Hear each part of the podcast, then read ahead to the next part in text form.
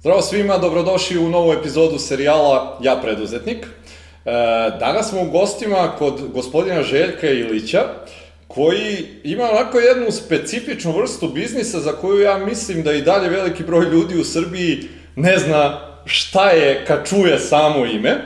Tako da, e, sad ćemo čuti od njega, eto, da, da malo demistifikujemo uopšte ovaj, sam taj biznis. E, Željko, dobar dan. Dobar dan i hvala na pozivu. Hvala tebi na dobrodošlici, na odvojenom vremenu ovde za nas, pa evo za početak da ti nama kažeš šta je to čime se ti baviš. Pa, ajde ovako ukratko da pojednostavimo malo što, što se kaže. Inače, IN centar je hub, znači mesto gde ljudi pokreću i razrađuju svoje biznise. Mm -hmm. Znači, faktički mi smo biznis koji pomaže drugim biznisima da se razviju, ako mogu tako da kažem, što je malo ovaj, izazovno mm -hmm. i ovaj, e, i nije klasični biznis ko, kao i ostali biznisi mm -hmm. koji se pojavljuju na tržištu. Tako da, e, jako mi je drago e, da tako nešto postoji kod nas i drago mi je da sam ja jedan od osnivača i da je In Centar jedan od od ovaj, takvih primera u Beogradu mm -hmm. i u Srbiji. I, I meni je drago, evo, dotaćemo se naravno još ovaj, kroz razgovor e, samog tvojeg poslovanja i svega, ali ono kako tradicija naše emisije nalaže je da se vratimo u neke tvoje dečačke dane, pa da onda krenemo ka ovim sadašnjim, pa za početak eto da čujemo neki tvo, ta, te tvoje početke same.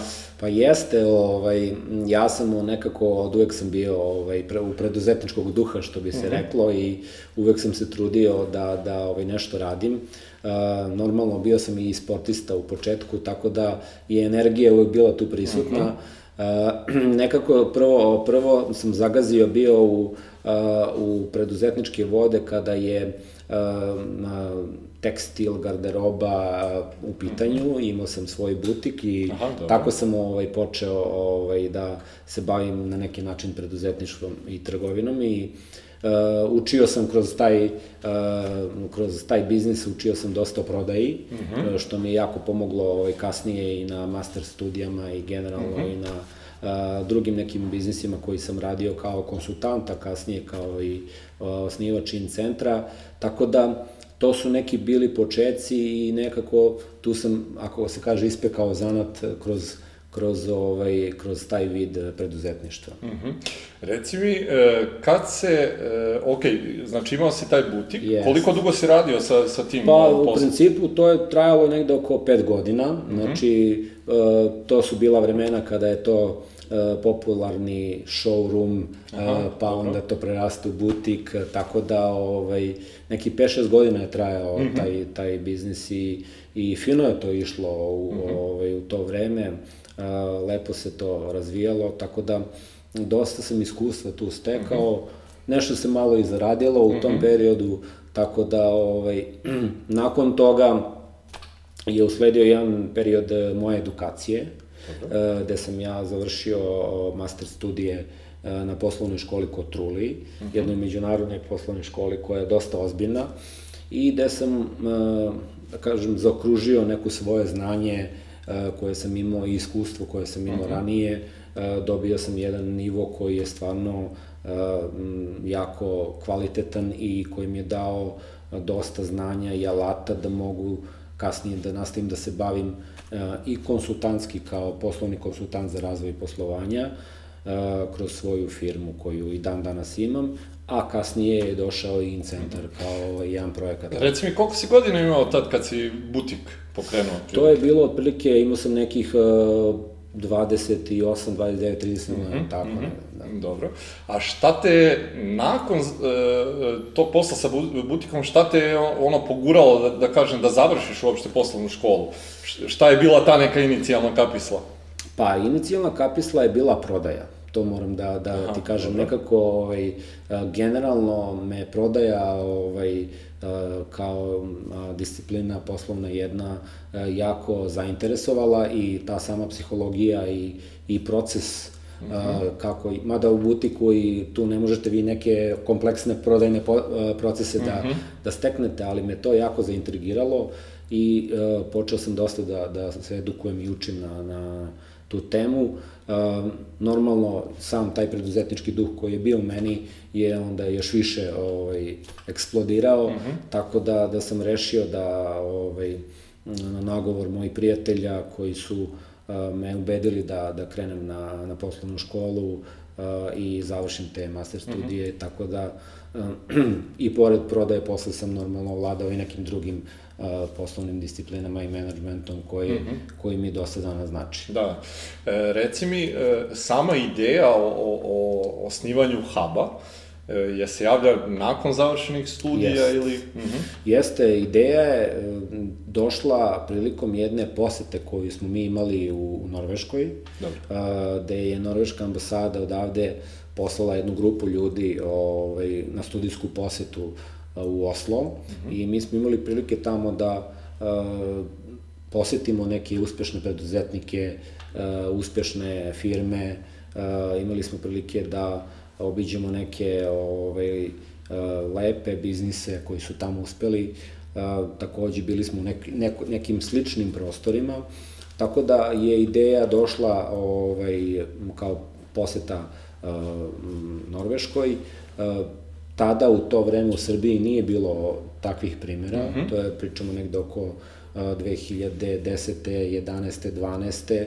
Uh, tako da sam ja nakon toga seo, uh, napisao sam taj projekat kako je to tada bilo u moje glavi mm -hmm. i ovaj, godinu dana kasnije, 2013. smo krenuli u realizaciju. Mm -hmm.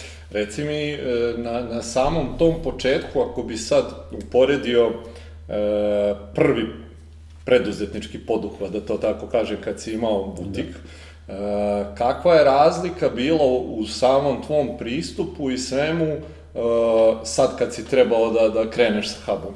Ogromna razlika je bila, ogromna razlika. Ovaj, e, što se tiče ovog biznisa, e, samog huba, tu je sve rađeno bukvalno onako kako treba da se razvija mm -hmm. jedan biznis Uh, uz uh, i biznis plan i strateški plan i formiranje tima i sve ono što uh -huh. ide u ovaj, svim koracima onako kako treba da, da, da se razvije jedan posao, a, dok je to tada kada smo radili ovaj, sa butikom bila jedna onako da kažemo, preduzetnička inicijativa mm. koja je išla po inerciji, da, da, da. po ovaj, altruizmu našem i tako da sa te strane to je bilo tako, tako koncipirano. Ovo je bilo dosta ozbiljno i, ovaj, i e, mislim, ne, ne mislim, nego siguran sam da zato što je tako postavljeno ozbiljno, jeste i evo šesta godina vrlo uspešno ovaj, poslujemo, tako da sa te strane e, ono što kaže, uvek savet jedan dobar došao i svim ljudima koji počinju biznise mm -hmm. i, i, i ovaj, jeste da, da planiranje i razvoj i mislim mora dobro da se mm -hmm. ovaj, e, prođe, e, mora dobro da se isplanira, tako da uvek je to dobar put kojim treba da se ide. -hmm. Reci mi šta su ti u tim početcima sami, šta su ti bili neki onako najveći izazovi? Najveći izazovi su bili pre svega biznis sam, ova industrija hubova, coworking prostora, uh, ajde da kažemo takvih, takvo, takve, te, ta industrija je bila inovativna u Srbiji. Uh mhm. -huh. Znači, uh, 2013. kada smo mi krenuli, bilo je jedan ili dva prostora takva u Beogradu. Mhm. -huh. Tako da, jako mali broj uh, ljudi je imao potrebu za takvim uslugama, mhm. -huh. koje mi ovde normalno da. pružamo. Tako da, to je bio najveći izazov kako edukovati tržište ovaj, i e, kako probiti, da kažemo, tu barijeru, s obzirom da su takvi prostori jako bili prisutni u Americi, u Evropi, mm -hmm. Berlinu i ne znam, nija nekim drugim centrima koji su poznati kao start-up centri ili centri gde ima dosta biznisa, a, ovaj, ali kod nas jako malo uh, je ljudi znalo mm -hmm. za mhm. tak, takve koncepte, tako da nam je to u stvari bio najveći izazov. Mm -hmm. Samim tim, izvinjam se, i samim tim i proces prodaje je bio jako Da, da, otežan. E sad, zanima me na koji način ste premostili tu prepreku? Pa, pre svega, prvo smo krenuli kroz promociju, kroz razne događaje, znači, mm -hmm. koje smo pravili kod nas ovde u Hubu, gde smo pokušali da okupimo zajednicu i da formiramo neku, neku grupu ljudi koja će, da kažemo, širiti uh, informacije uh -huh. i, i, i, i svest o, o tome, uh, o potrebi i promeni koncepta rada. Nekako nam je i vreme i trend išao na ruku u smislu da je sve više mladih ljudi počelo da se bavi uh -huh. i uh, IT-em i programiranjem i nekim biznisima koji E, dozvoljavaju neki, neko fleksibilno e, radno okruženje. Znači, nije potrebno više da vi sad radite u kancelariji da imate, ne znam, nija svoj, e, svoju zgradu, nego jednostavno možete raditi u ovakvom nekom prostoru, uh mhm. -huh. imati kompletnu podršku za razvoj u ovakvom nekom prostoru. Tako da nam je to malo išlo na ruku i kroz te događaje smo širili zajednicu i normalno bilo jako teško u početku, moram uh -huh. da mhm. priznam da, da da, da je prve godine bilo jako teško i uh -huh. da su bili čak i neki ovaj, kritični momenti u smislu ovaj, samog poslo, poslovanja, uh -huh. ali uspeli smo nekako da se izborimo ovaj, i da prođemo ovaj, te najteže momente uh -huh.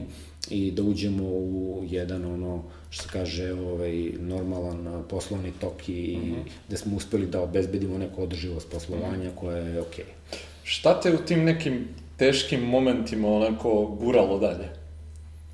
Pa, e, sigurno moja neka energija koju imam u sebi, pre svega, ovaj, e, ono što kažu, svaki preduzetnik je na svoj način malo luckast i ima svoju, svoju, svoju neku energiju. E, to pod broj jedan, sigurno i neka vera u, u celu priču. Um, drugo, mislim da, da sam i, i tim i neki ljudi oko mene koji su bili isto bili onako ovaj, dosta uh, ajde da kažemo uz mene i, i zajedno sa mnom smo gurali uh, da uspemo. Uh, takođe, uh, nekako uh, jedan po jedan korisnik, jedan po jedan klijent je nekako davao tu nadu da ćemo uspeti i to je u stvari bilo presudno. Mm -hmm. Ali na prvom mestu mislim da je ta neka energija koju posjedujem ja mm -hmm. ono, unutar sebe i ovaj, to i mnoge, mnogi moje kolege i mnogi moji saradnici ovaj, govore, tako da mislim da je to bilo onako presudni faktor. Reci mi, imaš li otprilike neku predstavu kad je e, i koliko je vremena prošlo pre nego što ste počeli da budete ajde, na nuli, da to tako kažem. Ja mislim da je prošlo, da je da otprilike, ne mislim nego imam i tačno negde podatke, ovaj, mislim da smo u trećoj godini ovaj, došli do nule, mhm. ovaj, ono što se kaže, Dobro. trećoj godini poslovanja, tako da ovaj, uh, vrlo strpljivo smo -hmm. radili to, razvijali i nismo, nismo želeli da odustanemo, video se taj trend mm -hmm, rasta. O, rasta, što mm -hmm. je mhm. bilo ok, tako da mi smo da u trećoj godini mm -hmm. došli onako do nule, u četvrtoj godini već malo krenuli u, u profit i u petoj godini smo ono kažemo krenuli uh, već malo i u razvoj. Mm -hmm. Ok, e, pitam te to zato što smatram zaista jako važnim ta neka iskustva e, i tvoja i drugih naših sagovornika da, da mladi ljudi koji ovaj, e, započinju sad neki svoj posao shvate da Za sve treba vreme. Jeste.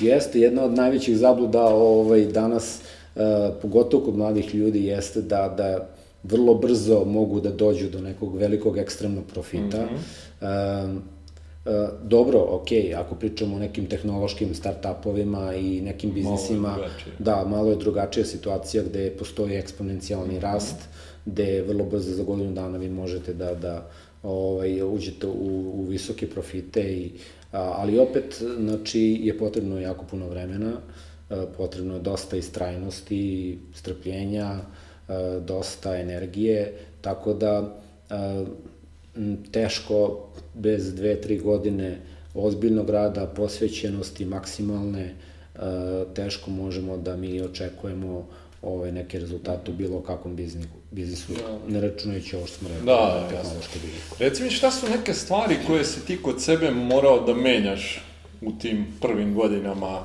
ovaj, poslovanja? Pa, to, hvala ti na tom pitanju, zato što, zato što ovaj, ta škola poslovna i taj moj MBA koji sam završio mi je jako pomogao ovaj, mm -hmm. da promenim sebe i ovaj, tu sam nekako baš onako ovaj, zahvalan nekim profesorima i nekim ljudima koji su neke predmete, koji su neki predmeti uticali na mene da se promenim u smislu nekih svojih navika, svojih verovanja.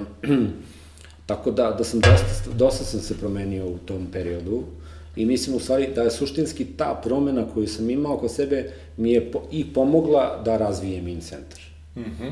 Da nije bilo te promene, mm -hmm. ja sam mhm. sigurno da ja to ne bi uspeo da, da razvijem, ovaj, pre svega a, u, ajde da kažemo, tom nekom, a, u toj nekoj istrajnosti, a, kanalisanju nek, dobre energije u pravom smeru, ne rasipanju u različite, e, da kažemo, inicijative poslovne koje, ili neke, da kažemo, situacije koje se su se dešavale u samom razvoju posla, tako fokus, mm -hmm. mislim, što je isto jako bitno, mm -hmm. tako da dosta stvari, eto, tih nekih promena na ličnom planu su prouzrokovale eto taj neki poslovni uspeh koji, koji je došao. Mm -hmm. Spominjao si da ti je jako bila značajna edukacija kroz samo školovanje. Jest. Nakon završenog školovanja, kako je izgledala tvoja edukacija dalje? Jeste, da. To je ono jedna od situacija kada ljudi nakon školovanja prestanu da se mhm. edukuju i onda kao najđe jedan ovaj period ovaj, uh, uh, ne znam, praznog prostora i tek posle shvate, e, treba ja da nastavim da, dalje da, da se edukujem. Tako da, uh, došla, posle, posle smo više radili neku edukaciju kroz uh, kroz praksu, ajde da kažemo i kroz sam rad. E, dobra stvar je da smo mi nakon otvaranja huba i kako je krenula ta cela priča, Uh, ovde kod nas u Srbiji je jako se pokrenula startup uh, zajednica i ta, generalno ta scena, scena je počela da raste. I mi smo nekako po inerciji krenuli svi da se bavimo time mnogo ozbiljnije, počeli smo da, da ovaj, uh, pored toga što smo imali start-upove kod nas u hubu, imamo ih da radimo sa njima, počeli smo da se edukujemo i kroz čitanje literature i da kažemo razrađivanje raznih metodologija koje postoje u, u start-upovima, tako da, eto, to je bila neka nadogradnja mm -hmm. i usmeravanje u tom smeru, tako da, eto, danas smo sada, ja konkretno, ja sam dosta više od klasičnih nekih biznisa i poslovnog konsultinga se više fokusira u startup mm -hmm. uh, ovaj, consulting i generalno sam se više usmerio ka tom pravcu.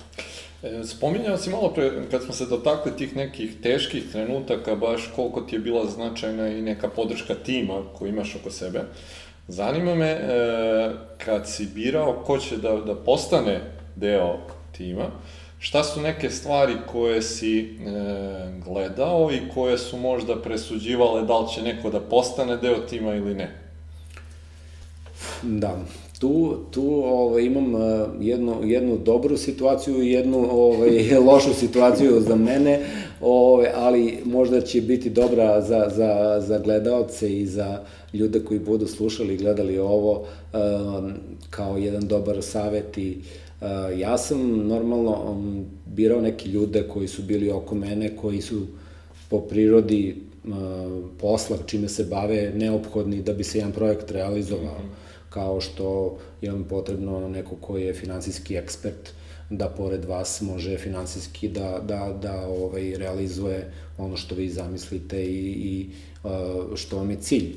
Uh, takođe, kada, sam, kada smo pokrenuli In Centar, ja sam napravio eto, jednu grešku, svi pravimo greške da, i mislim da je to jako važno da se kaže. Mm -hmm. Na mesto direktora In Centar sam zaposlio jednu od svojih najboljih prijateljica. Mm -hmm. što, što, koja dolazila totalno iz nekog drugog backgrounda. Mm -hmm. I ovaj, sa, sa mišlju, ok, bolje da zaposlim nekog koji mi je lojalan, koje, koji mi je, znam, imam poverenje u njega, a nisam puno razmišljao o tome da li ta osoba suštinski i može da iznese taj posao koji je u tom, to, za to bilo potrebno.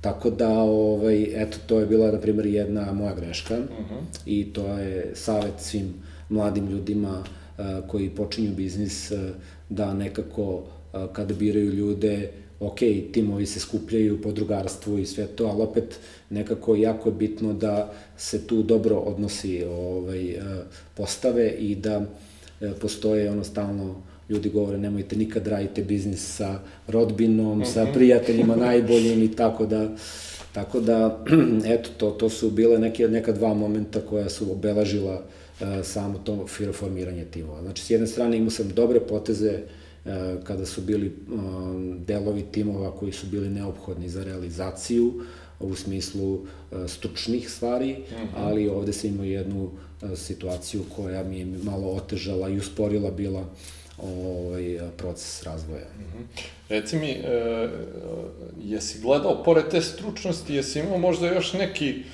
kriterijum u samoj osobi, osim same stručnosti, ili si se više fokusirao samo na, na samo znanje koja, e, koje ta osoba ima u, u toj oblasti koja ti je bila potrebna? Znanje je bilo primarno, normalno, mm -hmm. to je primaran kriterijum gde vi ovaj, mislim da ja onako posmatram i određujem, ali svakako mislim jako je bitno da da vi imate ljude koji su koji su pre svega ono prvo ok ljudi, imaju neku dobru energiju. Mm -hmm. Mislim meni je to jako bitno. Mm -hmm. Ja sam takva osoba da e, izuzetno volim da radim sa ljudima koji imaju neku pozitivnu i dobru energiju. E, tako da to je nešto što je isto bilo jako važno što sam gledao. Mm -hmm. da, da bude čovek koji ima dobru energiju, zdravu, mm -hmm. da nije ovaj, neki, neka osoba koja je destruktivna. Mm -hmm. I, Jasno, da. I možda ima znanje, ali imaš, imate dosta ljudi koji su destruktivni. Da, da. Tako da, eto, da kažemo, pored stručnosti, jako bila ta bitna pozitivna energija, uh, E, zdrava energija i mhm. to, to je nešto što je. E, e, reci mi sad, kakvi su tvoji izazovi bili, obzirom da, ono, spomenuli smo tvoje preduzetničko iskustvo yes. u butiku, ne znam sad da li si imao tu radnika, koliko već ili ne, da. sad ovde već imaš neki tim ljudi, kakvi su tvoji neki izazovi bili u tom trenutku kad si ti sad na neki način neko ko treba da i rukovodi tim yes. timom? Jeste, to je to je ovaj to je jedna jedna jedna teška situacija za za preduzetnika bilo kog koji počinje biznis svoj mm -hmm. u smislu jer je to jedna veština koja je jako zahtevna da upravljate i da vodite tim. Um, ja sam ja pripadam onoj grupi menadžera koji uh, su dosta fleksibilni i nisam od onih koji zahtevaju striktan rad, disciplinu i uh, na, više sam orijentisan ka rezultatima, uh mhm. -huh. dosta puštam neku, neku fleksibilnost u radu i, i, i ljudima, članovima tima mog omogućavam da, da iskažu i svoje ideje. Tako da, to je bio jedan izazov za mene. ok, butik tu imate ono, jednog, dvoje radnika, da. to je, to je ok, ali ovde sada kada imate timove od pet ili deset ljudi, ovaj, koji su u različitim oblastima poslovanja, um, jako je bitno da uh, to dobro organizujete i to je za mene isto bio onako dosta jedan veliki izazov, pogotovo u tom nekom momentu uh, u početku kada smo kretali, to je isto bio jedan manji tim od dvoje, troje ljudi, mm -hmm. pa onda u jednom trenutku imate jedan skok odmah, na primjer, na pet, pa onda opet u sledećem trenutku imate skok na 10 ljudi, na mhm. primjer. Mm -hmm. Znači, tako da, ovaj, generalno management tima i ljudi je onako za mene bio dosta veliki izazov i dan danas učim na tome. Mm -hmm. Mislim i dan danas ovaj, učim na tome, pogotovo kad radite s mladim ljudima. Mm -hmm. To je onako ovaj, kod nas ovaj, veliki izazov i ovaj, teško je ovaj, danas pronaći mlade ljude koji ono žele da napreduju i da rade i da su kvalitetni, posvećeni, tako da nije to lako. Mm -hmm. Mislim, mislim da to onako, za svakog preduzetnika u Srbiji danas jedan od najvećih onaj. Da, pa i dotakli smo se već ono, da. malo toga i pre razgovora koliko je uopšte e, generalno gledano kod većine firmi to negde problem kad e, dobiješ tim da i delegiraš stvari i da uopšte možeš da, da vodiš e, ceo taj tim. Na osnovu tvog nekog iskustva, jel imaš možda neki savet, jedan, dva možda, koja bi dao ljudima da prilikom takvih situacija da, da, da mogu nešto od toga da primene, a na osnovu, opet kažem, tvog nekog ličnog iskustva koje si imao? Pa, imam, da, mislim, svakako, mislim da, na primjer, za ove male timove i koje timove koji su u početku i ljude koji vode male timove, mislim da je jako bitno da, da ovaj, nekako uvek se svi trude da kada su mali timovi i kad su na početku, ti ljudi i preduzetnici trude se to zadrže na okupu i nekako onako stegnuti su jako veliki strah je prisutan šta ako ode jedan član mm -hmm. tima. Um, rasturi se sve. Tako da eh, onda su tu spremni na neke kompromise i popuštaju i, i ja da kažem dešavaju se raznorazne situacije koje koje možda i nisu dobre za rukovodđenje. Mm -hmm. Tako da mislim, jedan savet je sigurno da, da u tom nekom, u tim situacijama nekako uh, budu fleksibilni i da uh, ne stiskaju toliko po svaku cenu u smislu da se sačuva tim. Normalni su procesi da dođe do, do, mm. do mhm. rasturanja tima i da, da se tim promeni, tako da uh, to je jedan, jedan od saveta, znači odagnati neki strah od pucanja tima mm -hmm. i, i promene članova mm -hmm. tima. Mislim mm -hmm. da, to, da je to jako važno, jer nađu se novi ljudi, uh, uvek će se srediti ako ti veruješ u to i, i imaš istrajnost. Tako da to je jedna, jedna od stvari koja je sigurno jako važno u tim -hmm. početcima kad su manji timovi. U, ovom drugoj, u ovoj drugoj fazi, na primjer kada su veći timovi i kada je menadžment većih timova u pitanju, um, po meni, ja sam neko ko je jako veliki pobornik procedura. I stvarno se trudim da, a, pored te neke fleksibilnosti koje omogućam, a, da imamo neke izgrađene procedure u poslovanju koje, koje a, daju a, pravila, instrukcije i onako mhm. kako treba da se, da se radi i posluje, tako da a, savet jedan uvek dobrodošao, kada dođete i do tog trenutka kada ste prerasli, ono što se kaže, iz malog tima u, veći tim, apsolutno procedure su vam neophodne i mislim da je to jako važno i, i mislim da ljudi u Srbiji, dosta preduzetnika kod nas, to nekako preskoči. Mm -hmm, mm -hmm. I onda jedan put se nađu u situaciji da imaju tim od 10 ljudi, a nemaju definisane procedure. Da, da, da. I onda dolazi do, do raznih ovaj, situacija koje eto, su teške za menadžovanje. Mm -hmm, mm -hmm. E, reci mi, e, kad, kad pogledaš e, unazad, šta smatraš nekim ključnim odlukama koje si ti doneo, a koje su bile presudne da e, uspete, da tako kažem, znači imao si period, sam si spomenuo, yes. tri godine da dođete na nulu, sad ako bi pogledao svih ovih šest ovaj, godina koliko poslujete, e, imaš li možda da možeš da kažeš, e, ovo je možda bila jedna od ključnih odluka koju sam doneo?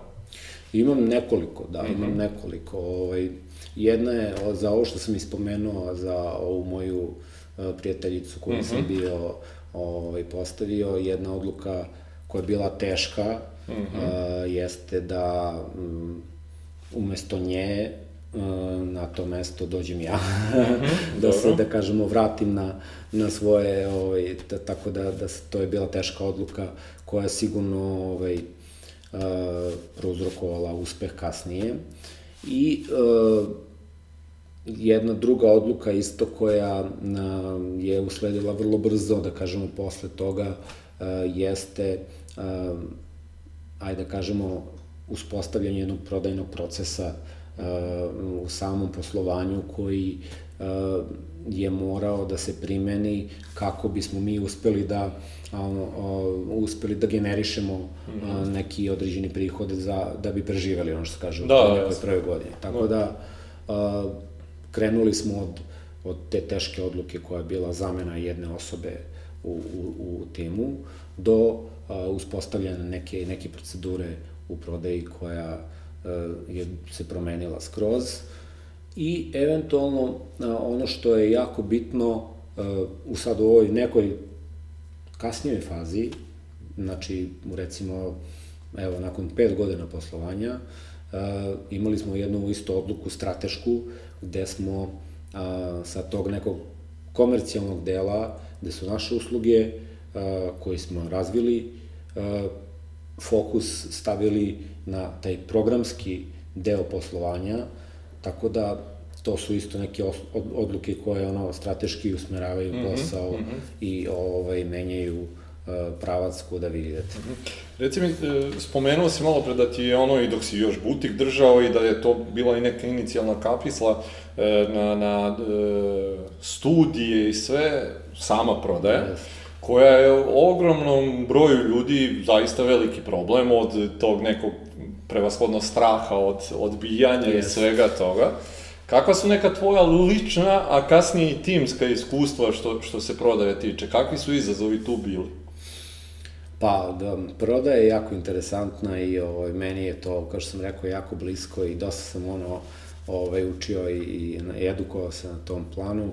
Um, mislim da glavni problem u Srbiji, generalno u našoj kulturi, jeste spomenuo si, jeste taj neki, da kažemo, strah ili, ajde da kažemo, e, sramota, ako mogu tako da kažem, da, da. da vi nudite nešto i da prodajete. Mm -hmm. Ovaj, mislim da je to u stvari najveća prepreka mnogim ljudima koji možda imaju neke proizvode ili neke usluge koje su u redu i okay, i komercijalne, ovaj, uh, ali imaju barijeru da ih ponude i jednostavno da, da ih prodaju. Tako da, uh, mislim da u našoj kulturi uh, sto, stoji taj, ta prepreka koja je usađena. Normalno, ljudi se edukacijom i promenom svesti uspeju da, da to, to prebrode i, i ovaj, prevaziđu taj moment.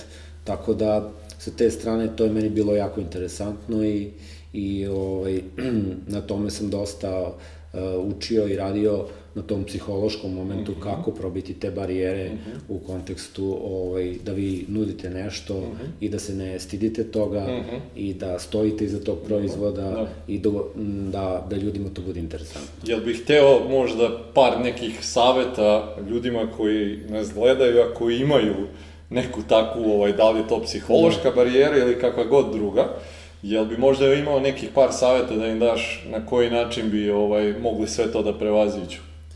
Pa, svakako, jedan od, jedan od načina jeste da, da, da vežbaju komunikaciju, uh -huh. znači da izađu ono, na ulicu i da vežbaju komunikaciju uh -huh. sa ljudima, ovaj, da nude ljudima ovaj, to što imaju bez uh, sramote i bez, da kažemo, nekog blama, ako mogu tako da kažem. Uh -huh.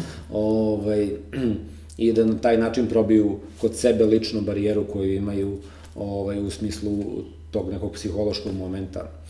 A ovaj, s druge strane, e, apsolutno je važno da kada već prevaziđu taj moment ili kada već osnuju firmu ili pokrenu neki biznis, e, jako je važno da prodaju, postave e, kroz neki proces koji će, da kažemo, omogućiti da to funkcioniše i da, da, da taj prodajni kanal ili prodajni kanali koji već se postave, da oni rade i da to da bude postavljeno kako treba. Mhm. -huh. Mislim da je to isto jako važno da mnogi ljudi koji pokrenu biznis jednostavno krenu tako da prodaju svoje proizvode i usluge bez da su jasno definisali mm -hmm. prodajne kanale i bez da su mhm. jasno definisali čak i ciljne grupe, nego mm -hmm. ono što se kaže a, prodaju ovaj, po inerciji mm -hmm. a, svakome i tako. Mm -hmm. ima dosta tih... Hteo bih baš da se zadržimo malo na, na, na, na samoj prodaji, obzirom da se dotakao i nekih zanimljivih stvari od prodajnih kanala, od da. definisane ciljne grupe i sve.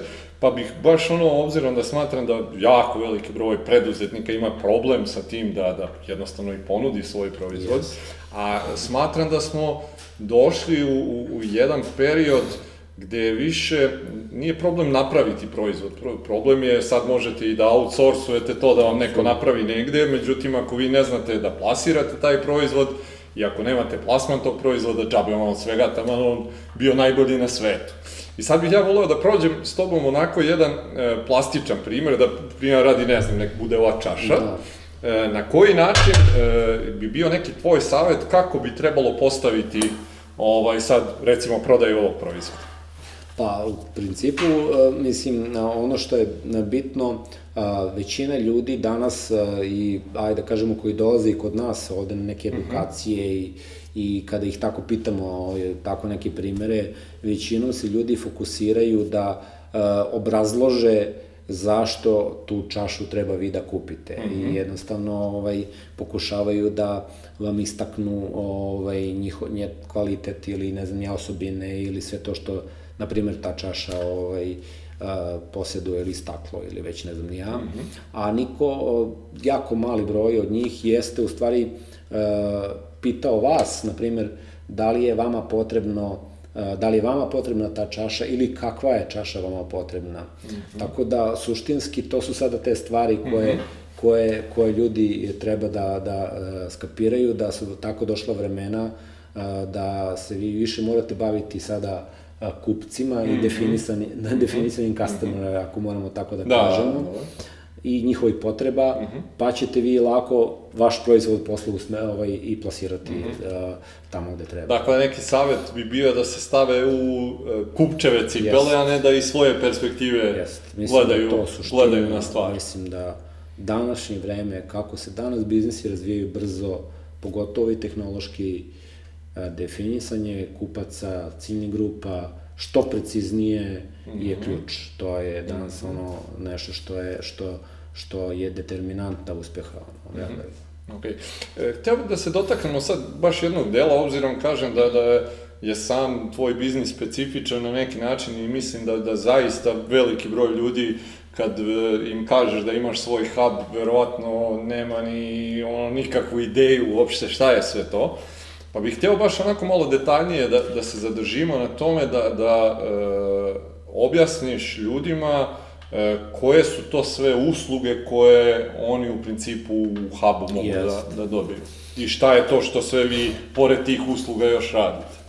Pa jeste, mislim, hubovi, ajde da kažemo i coworking prostori, i ti drugi uh, inkubatori, a, mm -hmm. ako i to spada pod, pod, mm -hmm. pod tu, tu industriju, ako mogu tako da kažem, uh, Oni podrazumevaju pre svega jedan prvo fizički prostor, open space prostor, gde ljudi uh, mogu da zakupe svoju radnu jedinicu, sto svoj, uh, u kom imaju uh, apsolutno sve tehničke uslove da mogu da realizuju svoj biznis. Znači tu je im je i prateća neka infrastruktura u smislu i kuhinje i ostalih kancelarija, sala za sastanak, sastanke, sve ono što im je potrebno da imaju jedne poslovne operacije kao i da su u nekoj poslovnoj zgradi.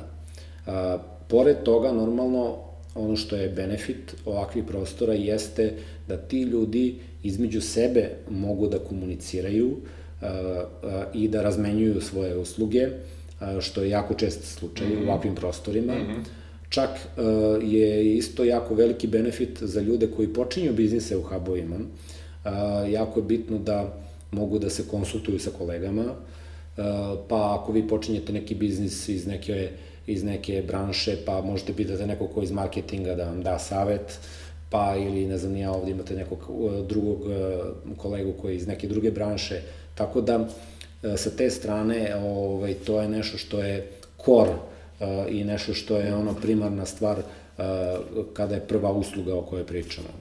Pored toga, normalno, ta prateća poslovna infrastruktura oko huba koja podrazumeva da vi možete registrovati firmu u ovom prostoru, -hmm. dobiti kompletnu administrativno-pravnu podršku prilikom registracije firme, takođe što se tiče finansijskog konsultinga u smislu knjigovodstvenih usluga, poreskog savetovanja e, i ostalih drugih stvari koje spadaju u finansijski konsulting e, možete tu dobiti. Takođe, ukoliko vam je potrebno dodatno mentorstvo i konsulting poslovni u smislu razvoja vašeg biznisa, takođe u Hubu možete da, da dobijete kroz razne pakete.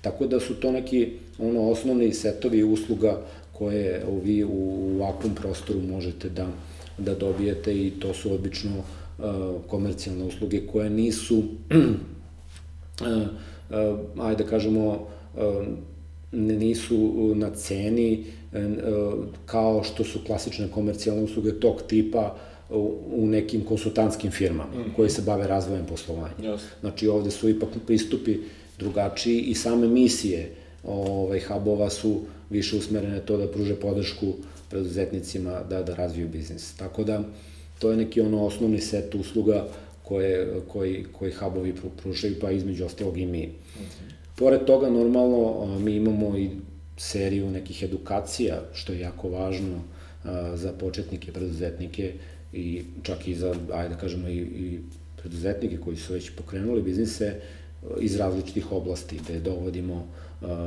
razne stručnjake i evo između ostalog iz prodaje ili uh mhm. -huh. iz nekih drugih management uh, disciplina koji mogu da održe predavanja i, na, i samim tim i korisnici prostora, a i neka naša zajednica koja gravitira kojim centra može da dobije dosta povoljnih saveta i znanja kako da unapredi svoje, svoje biznise.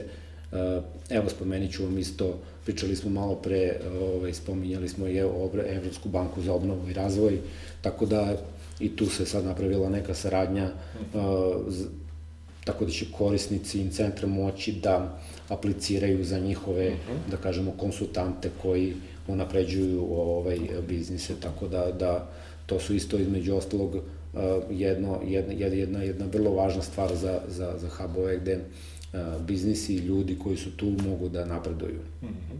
Tako da, uh, sve to kad saberemo, onako čini jedan dobar sadržaj.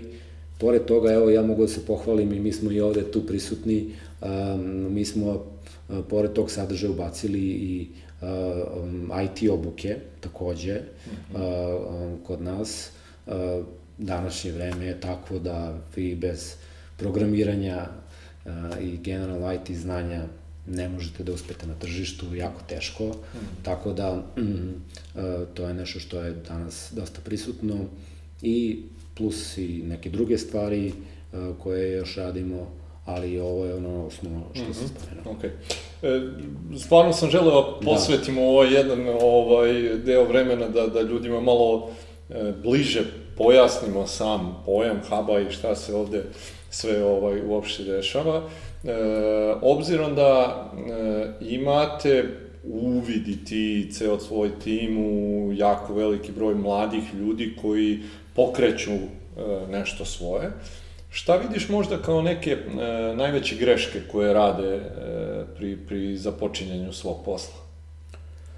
Pa, grešaka ima dosta, u principu, ovaj, e, e, u smislu, pre svega u toj nekoj samoj početnoj fazi um, definisanja ideje i čak i, i a, samom početku ovaj, procesa tog, a, mislim da onako ima dosta ljudi i mladih ljudi koji a, se pod nekim, a, pod nekom inercijom i, i društvenih mreža i nekog hajpa koji se stvorio oko preduzetništva i oko svega, a, onako skupe i ajde sad mi kao da mhm. pokrenemo nešto, smisle neku ideju i a, bez da su se dovoljno informisali, bez da su dovoljno istražili o tome, a, tako da dosta ljudi dođe na konsultacije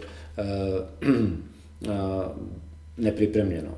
Jednostavno, kada malo porazgovarate sa njima, sa njima kada im objasnite da uh, nije samo ideja dovoljna, da, da je jako bitan tim, da je jako bitno znanja koje taj tim posjeduje, svako pojedinačno od, od, od njih, tako da ovaj, jednostavno, eto, u principu to je ono nešto što je najčešći slučaj da ljudi e, shvate kroz jedan razgovor da moraju da se vrate korak dva unazad, uh mhm. -huh. ako žele da se bave preduzetništvom, da prvo sebe edukuju uh mhm. -huh. i sebe da, ovaj, ajde da kažemo, učine, ovaj, e, ako tako mogu da kažem, preduzetnikom, početnikom, pa tek onda da razvijaju svoju ideju. To je nešto što je vrlo čest slučaj, jer dolaze ljudi iz različitih uh, um, backgrounda, uh mhm. -huh. tako da jako je teško kada neko dođe recimo iz kulture ili iz nekog drugog backgrounda i hoće pokrene neki biznis. Mm -hmm. Jako je teško to ovaj, da, da, da se realizuje. Nije nemoguće, no, ali jako je teško, mislim. Da, jasno. I vi mi njemu morate objasniti ipak da on mora prvo da se edukuje sam za, za preduzetništvo i da nauči te osnovne stvari da bi onda mogao da realizuje mm -hmm. svoju ideju.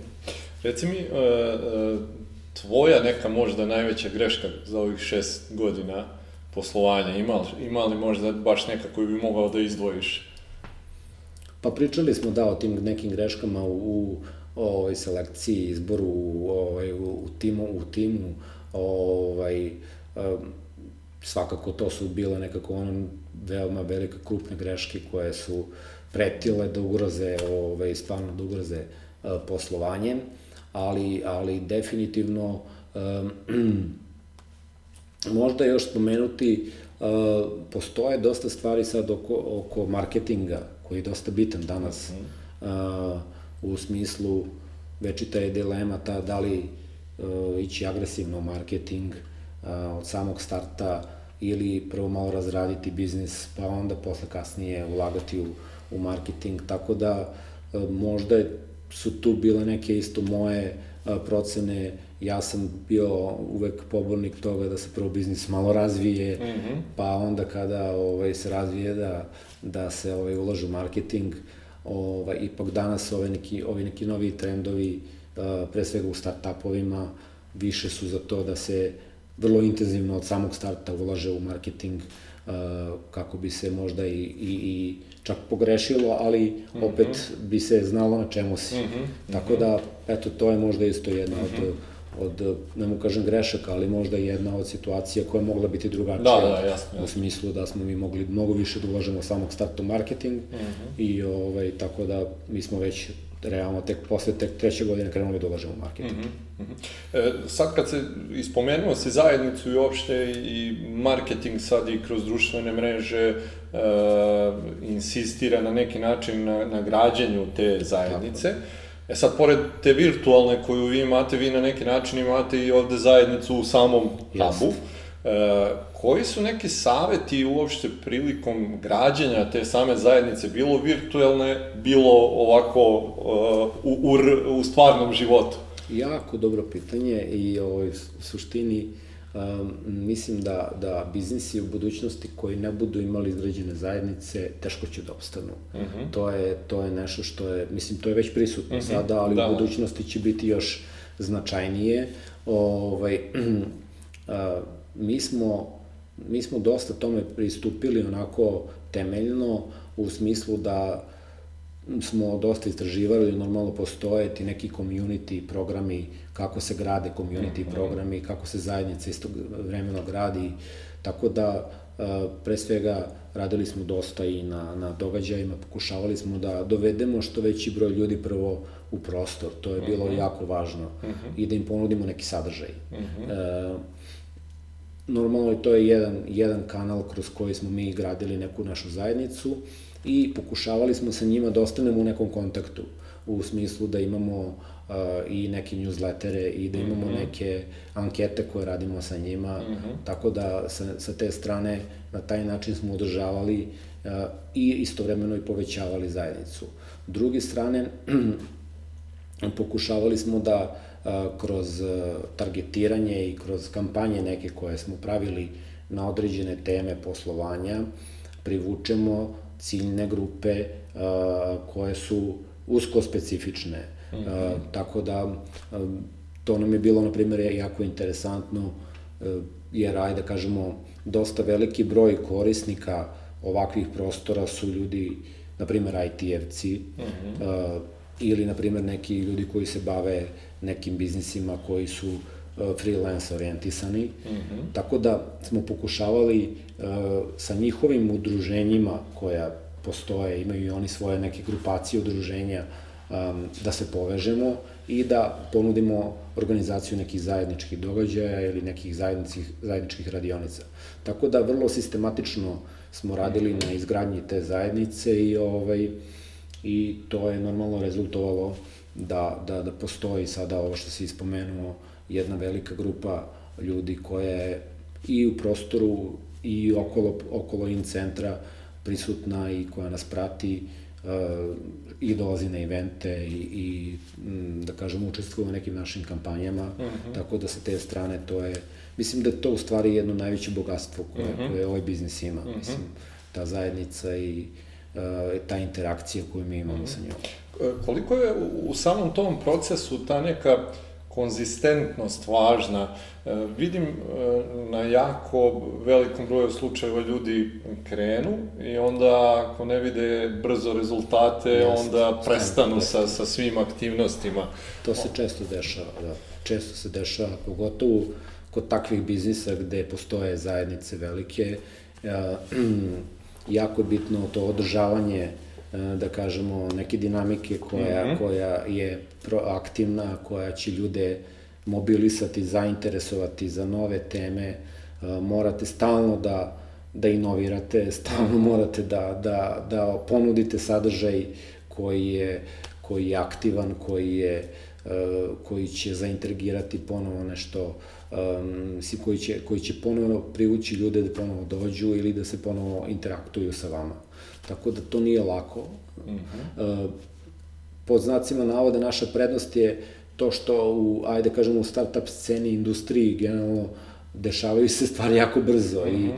tehnologija napreduje i uvek imate nešto novo ovaj, da, da ponudite, tako da, pogotovo mladim ljudima i, i e, na primjer, naša jedna cina grupa su studenti fakulteti i tu imamo dosta a, brze neke nove trendove, koji se dešavaju, tako da sa te strane ovaj, moramo non stop da smo prisutni, -huh. dosta radimo na tome i tako da mora da se prati sve i jednostavno ta konzistentnost i dinamika mora se održavati. E, viđaš li, pošto ono, imaš kontakte, to sad si spominjao i sa tim mladim ljudima sa, sa i fakulteta, e, zanima me, ovde je nekako ono, već decenijama unazad bila mantra e, nađi državni posao, čuti tu i čekaj penziju.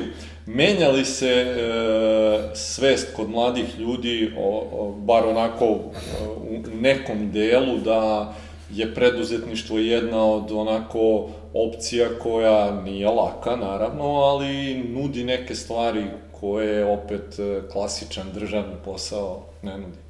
Ja mislim da se kod nas to jako puno menja. Mm -hmm.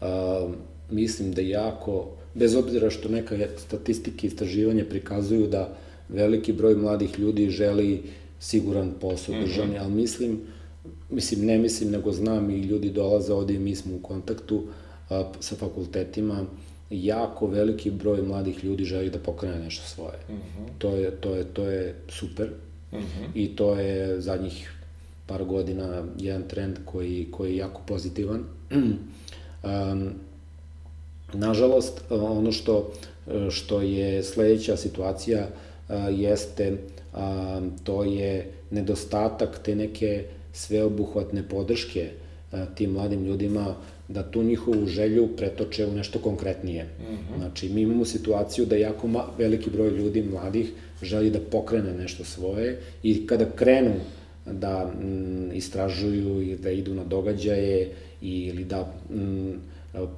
dođu do situacije da, da, da, da počnu da rade na svojoj ideji, tu onda malo izostaje, a, da kažemo, ta neka, a, to je već pitanje jednog ekosistema preduzetničkog, a, koherentna jedna politika koja će a, moći njima da pruži programe koji su njima dostupni a, i da oni jednostavno mogu da se edukuju i razvijaju svoje ideje ovaj, što lakše, jednostavno bez, bez nekih prepreka ili ne znam ja, bez toga da moraju da se cimaju ili nema puno da kažemo nekih start-up ili preduzetničkih programa u Srbiji koji omogućavaju mladim ljudima da realizuju svoje mhm. ideje. Jel misliš to na državnom nivou gledano ili generalno? Generalno, rekao bih na institucionalnom nivou, mm -hmm. uključujući i državu, uključujući i nas i mislim, vi u Srbiji imate nas 5-6 ozbiljnih hubova koji imaju svoje startup programe. Znači, e, tako da nema puno tu, e, e, puno startup programa i to su startup programi koji primaju po 5 timova, 6, 7, tako da e, ja, značajno, i to u Beogradu, zamislite gde su drugi gradovi. Da, da. Tako da, to je nešto što fali i to je sad ta neki novi, novi nivo razvoja našeg preduzetničkog ekosistema kod nas u našoj državi, e, znači do sad smo kao nešto uradili, ok, ali sada je potrebno uraditi jedan sledeći nivo, napraviti bolju, koherentnu uh, politiku generalno svih i uh, što više takvih nekih programa da ti mladi ljudi koji stvarno sada imaju i stvarno žele da pokrene uh -huh. i mhm. stvarno taj preduzetnički duh je sad zaživeo. Uh mhm. -huh. Znači, mora im se dati i omogućiti, omogućiti im se uh, prilika da oni uh, idu dalje u taj proces. Mhm. -huh. Bez nekih prepreka i bez nekih, -huh. uh, ne znam ni ja, nekih teških uh, koraka i jednostavno da im učiniti im to da bude dostupno. Uh -huh. e, kad kažeš dostupno, jel e, si više fokusiran možda na e, ajde sad, ne znam, e, finansijsku podršku države, ili možda misliš ovo što si spominjao, da. mentorske programe, to. ili možda sve u paketu više, da to više zajedno mislim, kod nas više? Mislim, više mislim na, na, mentorsko, na mentorsku podršku i na programe. Ovaj, financije nisu problem, mm -hmm. financije... Dobro. Ovaj, Uglavnom budu izgovor samo. Da, finans, ima dosta biznisa, prvo kojima nije potrebno ovaj, finansiranje u početku, mm -hmm. a, drugo, ima dosta investicionih fondova koji gravitiraju kod nas ovde i, i nude financije za start-upove i za mlade ljude, tako da to nije problem, ali mislim da suštinski je problem a, nedostatak a, do mentorskih programa, mm -hmm. a, kojih ima malo, i i tih koji, koji, koji postoje, uglavnom su E, jako e, usko profilisani i e, da kažemo nekako zatvoreni su u smislu da isključivo selektuju određene industrije, vrlo tehnološki napredne ideje, uh -huh. znači jednostavno vi mnogo mladih ljudi koji možda imaju neke dobre ideje, jednostavno ne mogu da uđu u neki mentorski program, mm -hmm. jer mhm. on jako je kvalitetan i bira samo pet, recimo, mm -hmm. nekih najboljih. Da, da, da. I jednostavno, ovaj, masi drugih mladih ljudi ostane to nedostupno. Mm -hmm. Tako da na taj način mislim da, da jednostavno treba proširiti i po drugim gradovima, a, mislim da tu jako velika uloga univerziteta. Uh mhm. -huh. a, mislim da, da, da sami fakulteti i univerziteti moraju da se otvore u tom smislu, a, da, da jednostavno ovaj, nekako kroz svoje centre za razvoj i kroz svoje preduzetničke centre unutar fakulteta omoguće ili saradnju sa hubovima uh, omoguće mladim ljudima jednostavno da, da, da, da dobiju ta znanja. Uh -huh. e, reci mi, si ti kroz uh, tvoj preduzetnički put i na kraju krajeva i dan danas imao nekoga E, koga si mogao ili koga možeš da nazoveš nekom vrstom mentora kad imaš možda neku dilemu ili izazov, da možeš da porazgovaraš sa njim ili njom? Pa, uh, ja sam uglavnom bio pobornik ovaj, čitanja nekih dobrih knjiga i ovaj, stranih ovaj, uspešnih pred, preduzetnika. Uh, uh, ovde, nažalost, nisam puno pričao sa nekim ovaj, uspešnim ovaj, biznismenima ili da kažemo ljudima iz biznisa koji su bili, koji bi, bi bili mentori. Imam dosta kolega sa, i sa, sa ovaj, studija i uh -huh. sa mhm. ovako uspešnih i, i po kompanijama direktora i preduzetnika, ali više su mi uzor i, i, i lekcije bili, ajde da kažemo, neki ovaj, strani preduzetnici, uh mhm. -huh Možda evo Richard Branson pre svega Aha. jedan od, od ovaj, mojih omiljenih ovaj, preduzetnika i, i ovaj, njegove, njegovi, uh, njegove lekcije, njegovi saveti, njegove iskustva su me mi dosta značila, mm -hmm. u, na primjer, u, u mojoj karijeri. Da, da, pa, pa mislim da je generalno ovde i dalje problem, ok, na kraju krajeva i ovaj serijal je jedan pokušaj da se taj transfer znanja radi, ali kod nas generalno jako, jako na niskom nivou je uopšte neka mogućnost da čuješ e, ti ako pogledaš sad kroz e, neke medije ove od TVA i tih nekih novina e, koje su onako čitanije i gledanije, jako malo se govori o preduzetništvu i da ti možeš sad da čuješ iskustva nekog našeg uspešnog preduzetnika i onda si na neki način e, i bio primoran da tražiš to negde van. ne, ne samo da čuješ, nego i da, da kažemo da usvojiš, da ti on prenese i da, mm -hmm. ti da ti usvojiš, mm -hmm. što je, apsolutno se slažem s tobom i mislim da je to kod nas jedan od velikih problema. E, mi smo čak i razgovarali ovde kod nas ovaj, u hubu i sa nekim drugim kolegama kako da pospešimo mentorski e, mentorsko delovanje u Srbiji. Uh mhm. -huh. Mi imamo i kroz tvoj serijal je prošlo jako puno uspešnih preduzetnika. Uh -huh. I zašto ne bi ti uspešni preduzetnici učestvovali u nekim mentorskim programima uh mhm. -huh. i podelili svoje znanje sa, sa mladim ljudima koji imaju super ideje za mhm. biznis. Uh -huh.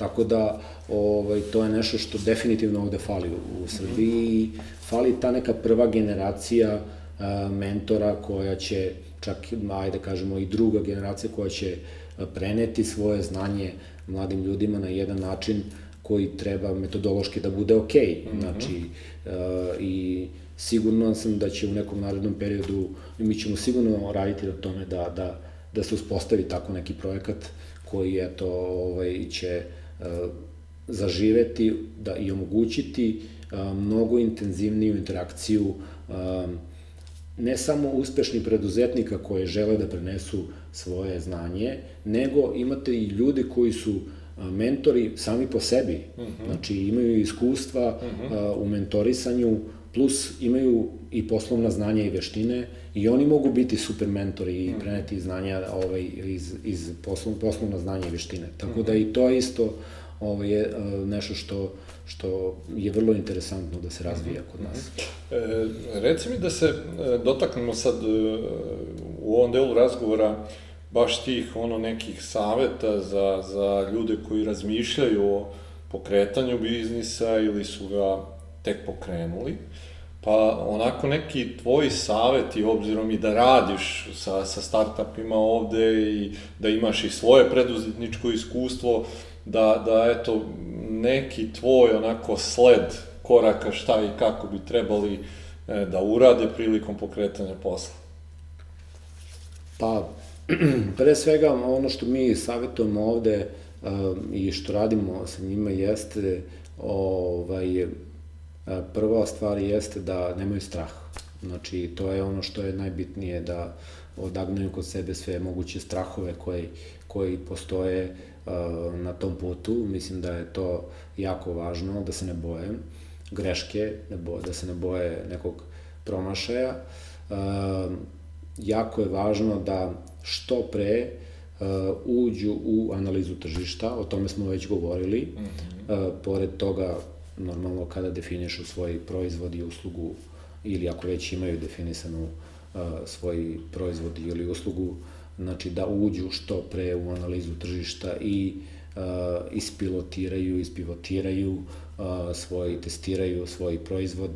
Kroz jedan um, danas se to popularno zove sprint, što kraći period uh, provedeno u tom nekom procesu um, da um, jednostavno ponude to i opipaju tržište i vide da li njihov proizvod uh, ili usluga što narod kaže pije vodu ili ne. Mhm. Znači, to je danas jako bitno i br vrlo brzo to mora da se uradi, pogotovo kada pričamo o nekim tehnološkim ovaj, start-upovima i biznisima. Tako da, to je jedna, jedan nivo saveta koji uvek dajemo da što više, što dublje ulaze u analizu, da idu da pričaju sa ljudima, sa potencijalnim kupcima, da, da jednostavno detaljno, kao što smo rekli, odrede svoje ciljne grupe i ispitaju ih. Druga stvar jeste kada vide da je to ovaj, ok, ako koliko je to ok i, i stvar je dobra, da odmah krenu u, u prodaju. Znači, jako je bitno da se što manje vremena provodi na doradi svog proizvoda, razvoju svog proizvoda. Jer vi imate situaciju da mnogi biznisi danas i mladi ljudi mnogo vremena provode na razvoju svog proizvoda i izgube dragoceno vreme u prodaji. Mm -hmm. I onda kasne u prodaji. Mm -hmm. a, a umesto da su već krenuli možda i sa tim nekim poluproizvodom mm -hmm. u prodaju, znači to bi bilo mnogo, mnogo bolja stvar za njih i sigurno bi na vreme možda znali da li su uspeli ili ne, I tako da sa te strane to je isto jedan drugi savet, nemojte čekati, nemojte puno raditi na razvoju proizvoda i trošiti vreme, krenite odmah u prodaju, što pre. Tako da, eto, to su neka dva ono, osnovna saveta mm -hmm. koje, koje, koje ja isto često dajem. Mm -hmm. Spominjao si baš jedan, u stvari taj prvi da. korak koji si rekao je oslobađanje od strahova. Ovaj, e, jel, da, ajde ovako, jel bilo kod tebe strahova? I imali ih i danas? Jeste, da, bilo je strahova, ovaj, mislim, za incentar i bilo je strahova i rizika, dosta je strahova i rizika. Ovaj,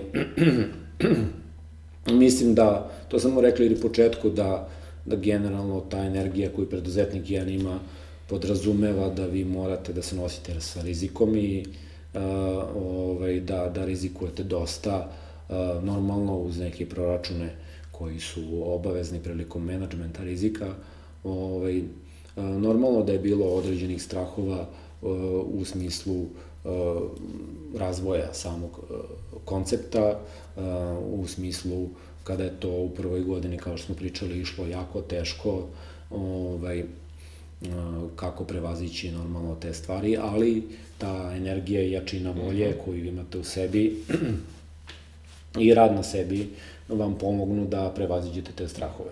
E, strahovi kod mladih ljudi koje vidiš, šta su uglavnom u tim nekim početnim njihovim? Da, sad se promenilo malo. Naprimer, nama, meni nije bio uopšte strah na, u kontekstu nekih financija ili a, nisam razmišljao o tome šta ako to sad mm -hmm. propadne i kako.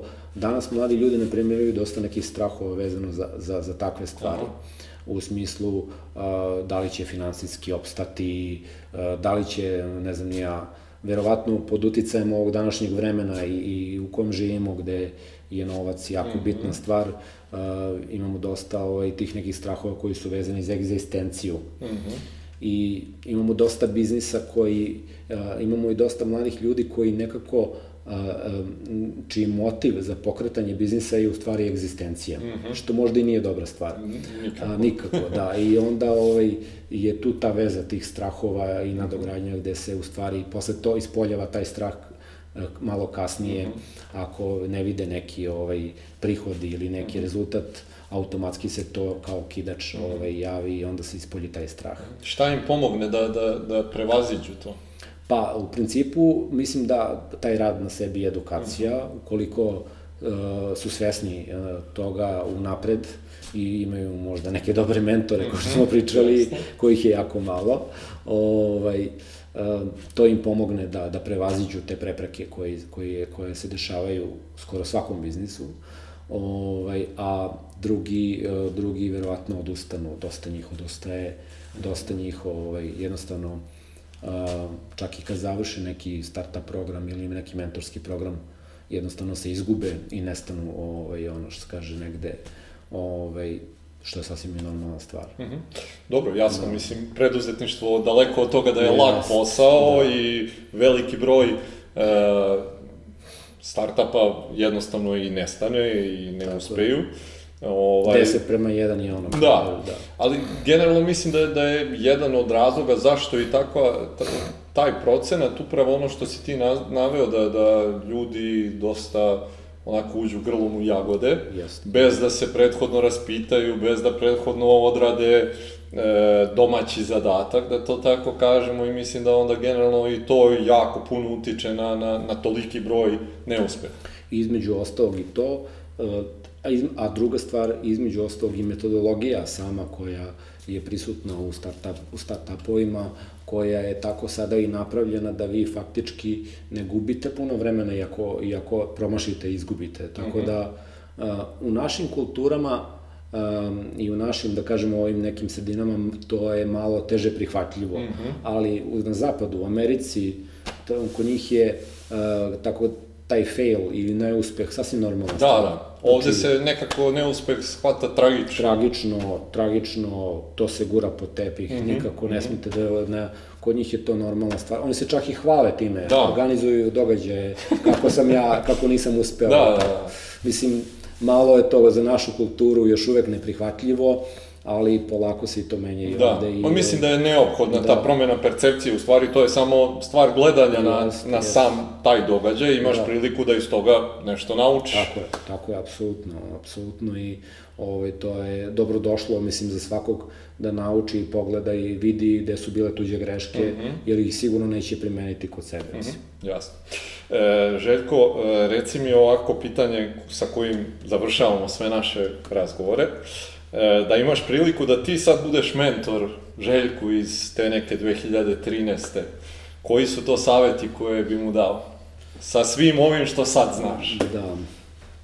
Pa dosta saveta bi bilo tu sigurno, dosta saveta bi tu bilo sigurno, ovaj, počevši od toga, od, od komunikacije sa timom u smislu ovaj, um, drugačije, normalno više, više timske komunikacije, što, bi, što je ono uvek problem a, kod nas, a, dosta ljudi komunicira jednostrano, nije, nema, nema te timske komunikacije, um, dosta bi, dosta bi sigurno uh, više po, ovaj, obraćao pažnju i uh, pratio bi nekako više ovaj, sam proces uh, ajde da kažemo tog nekog uh, razvojnog puta u smislu i prodaje i marketinga i svega, uh, mada smo mi to dosta ovde i, i pratili, ali svakako bi ta, uh, ti podaci, ta, ta matrika, što da se mm -hmm. kaže danas, Uh, danas su podaci i obrada podataka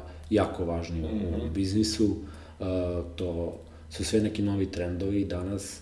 Mi to tada nismo radili mm -hmm. tako, ali eto, to bi bili saveti uh, sigurno sada koji obrada podataka, svaki detaljan podatak, minimalan podatak vezan za bilo šta u smislu ili to je finansijski podatak ili bilo šta treba da, uz, da uzme se kao parametar, da se obradi, da se izvuče neki racio iz njega, tako da, na primjer, to je jedna ovaj, isto vrlo važna stvar koju bi kao sada mentor ovaj, primenio i rekao i, i šta znam, im, možda još dosta vezano za pozitivnu energiju, kao što sam mm -hmm. napomenuo više puta, mislim da je to isto jako važna stvar. Um, mislim da um, masi ljudi, mladim ljudima ovde fazi, fali tog nekog ono uh, pobedničkog duha. Mm -hmm. Ok, vi imate preduzetnički neki duh u sebi, ali morate da, da, da razvijate u sebi ono, tu, taj mindset pobednika. Znači, mm -hmm. to je nešto što, što je jako važno i mislim da ću i u budućnosti i dan danas smo ono, na raznim nekim mentorskim programima i ti si imao prilike da budeš mm -hmm. ovaj, da, da se trudimo da ljudima, mlađim ljudima usađujemo mm -hmm. ovaj, taj pobednički mm -hmm. mentalitet. Okay. Žeko, hvala ti puno za odvojeno vreme, hvala ti za sve ove savete koje si podelio, ovaj, pogotovo što eto ti imaš ono svakodnevnu priliku da radiš sa startupima, sa ljudima koji kreću tek u, u svoj neki preduzetnički život. Mislim da će uh, onim gledalcima koji nas prate ti saveti biti jako značajni ovima koji su već u poslu, opet da čuju i tvoje neke i pozitivne i negativne iskustva iz tvoje preduzetničke priče i zaista se nadam da će sve ovo što ovaj, radiš sa hubom nastaviti da ide u ovom nekom smeru u kom je do sad išlo i želim ti puno uspeha u budućnosti. Pa hvala i vama isto i mislim jako je lepa, lep povod i drago mi je da, da još jedan put tebi zahvaljujem na, na, na prilici da eto podelimo ovaj, i priču oko in centra i da podelimo i ove neke savete i neke iskustva koja će pomoći mladim ljudima ili preduzetnicima na tom putu koji ovaj nije lak. Ni malo. Ni malo. Hvala i vama što ste ponovo bili sa, sa nama i vidimo se ponovo sledeće nedelje. Prijatno. Prijatno.